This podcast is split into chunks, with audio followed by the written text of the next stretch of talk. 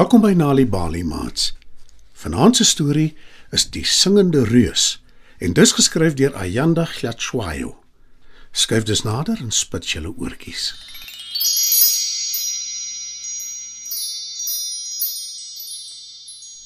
Eenmal lank lank gelede in 'n land ver hiervandaan was daar 'n dogter met die naam Sandra wat gehou het daarvan om te sing, te lees en na stories te luister, veral stories oor reuse. Sandra het ook graag die woud naby hulle dorpie verken. Haar gunsteling plek was die rivieroewer waar sy ure lank sit en dagdroom het oor reuse. Ek wens ek kon 'n regte reus sien. Sê Sandra vir haar ma. Dis onmoontlik. Reuse bestaan nie, my kind. Antwoord haar ma. Maar oupa sê dan altyd reuse bestaan wel. Antwoord Sandra. Sandra, die dag as jy 'n reus sien, hardloop vinnig terug huis toe en kom vertel my. Lag haar ma. En toe een oggend, terwyl Sandra die woud verken, hoor sy 'n vreemde geluid. Sy kruip bang agter 'n bos weg. Sandra kan haar oë nie glo nie. Oupa was reg, want voor haar sien sy 'n regte egte reus. Hy is uitslik groot en sterk en hy het groot blou oë. Maar Sandra kom dadelik agter dat die reus hartseer lyk. Ek wens so kon sing, maar dit sal nooit gebeur nie. Want my stem is nie mooi genoeg nie. mompel die reus. Sandra wyfel 'n oomblik, maar toe skraap sy al haar moed bymekaar, kruip agter die bos uit en besluit om haarself voor te stel aan die reus. Hoe gaan dit, meneer Reus? Vra sy terwyl sy na hom toe loop. Jy praat reestaal. Antwoord die reus verwonderd. Ja, my naam is Sandra en ek het gehoor jy sê jy wil sing. Ek, ek is Barend en ja, ek wil baie graag sing. Sê die reus opgewonde. Ek het nog altyd geglo reuse bestaan regtig. Meeste mense glo nie in reuse nie en is bang vir hulle. Maar nou het ek die bewys van julle bestaan. Die reus glimlag vir Sandra. Sy draf vinnig en baie opgewonde huis toe. Sy kan nie wag om vir haar mamma die goeie nuus te vertel nie. En sy beplan ook om op die pad huis toe vir al haar vriende en al die inwoners van die klein dorpie te vertel van Barend, die reus wat graag wil sing. Sy dink ook dat dit nog 'n goeie idee is om 'n artikel te skryf oor die reus vir die plaaslike koerant. Ek het pas 'n reus ontmoet. Sy naam is Barend en hy wil sing. Vertel Sandra almal op haar dorpie. Hulle lag haar uit en sê: Reuse bestaan nie. jy verbeel jou. Haar mamma voel jammer vir Sandra. Sy vat haar hand en lei haar huis toe. Waar het jy die reus gesien? Vra sy en maak die voordeur toe. In die middel van die woud en hy wil regtig kan sing.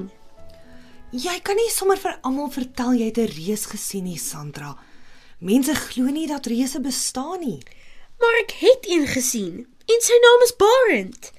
Hy is vriendelik en hartseer omdat hy nie kan sing nie. Sê Sandra. Sst nou, Sandra.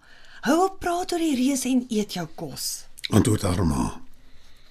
'n Paar weke gaan verby en Sandra sien nie weer die reus in die bos nie. Maar sy hou nie op soek nie. En toe op 'n dag hoor sy 'n nare geluid, soos iemand wat probeer sing.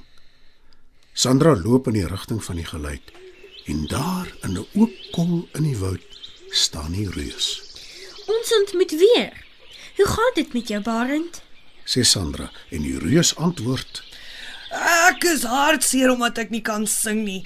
En daar's oor 'n paar weke 'n sangkompetisie. Miskien kan ek jou leer om te sing. bied Sandra aan. En sy en Barend spring aan die werk. Hulle oefen elke dag en stadig maar seker word die reus se sang al beter. Na 'n paar weke klink Barend al amper soos 'n engel wanneer hy sing. Na hulle laaste oefening net voor die kompetisie hardloop Sandra huis toe. Toe sy by die dorpie kom, kom sy 'n paar kinders te. Kyk, dis die dogter wat reken sy het 'n reus gesien. Roep een van hulle en die ander lag. Haar mamma kan sien sy is hartseer toe sy by die huis aankom. Sy vra wat gebeur het en Sandra verduidelik. Mamma troos.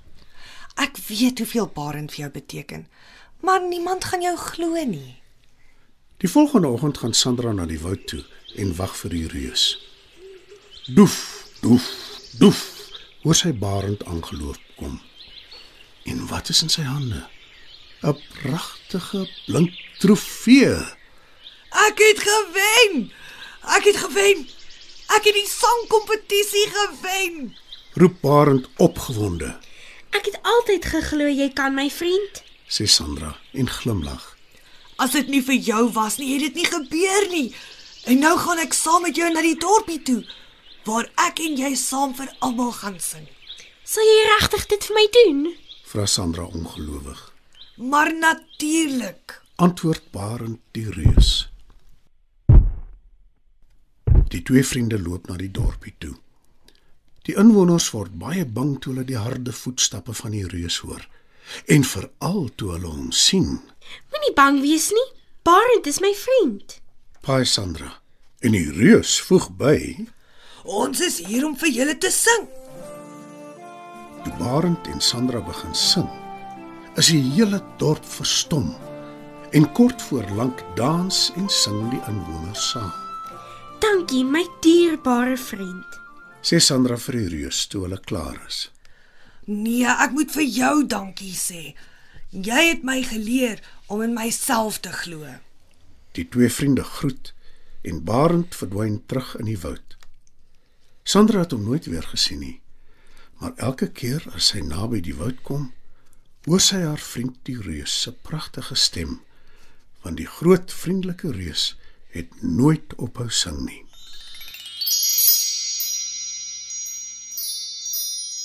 Mats, dit was nog 'n aanbieding van Nali Bali storietyd. Die titel van vanaand se storie was Die singende reus, geskryf deur Ayanda Glatshwayo.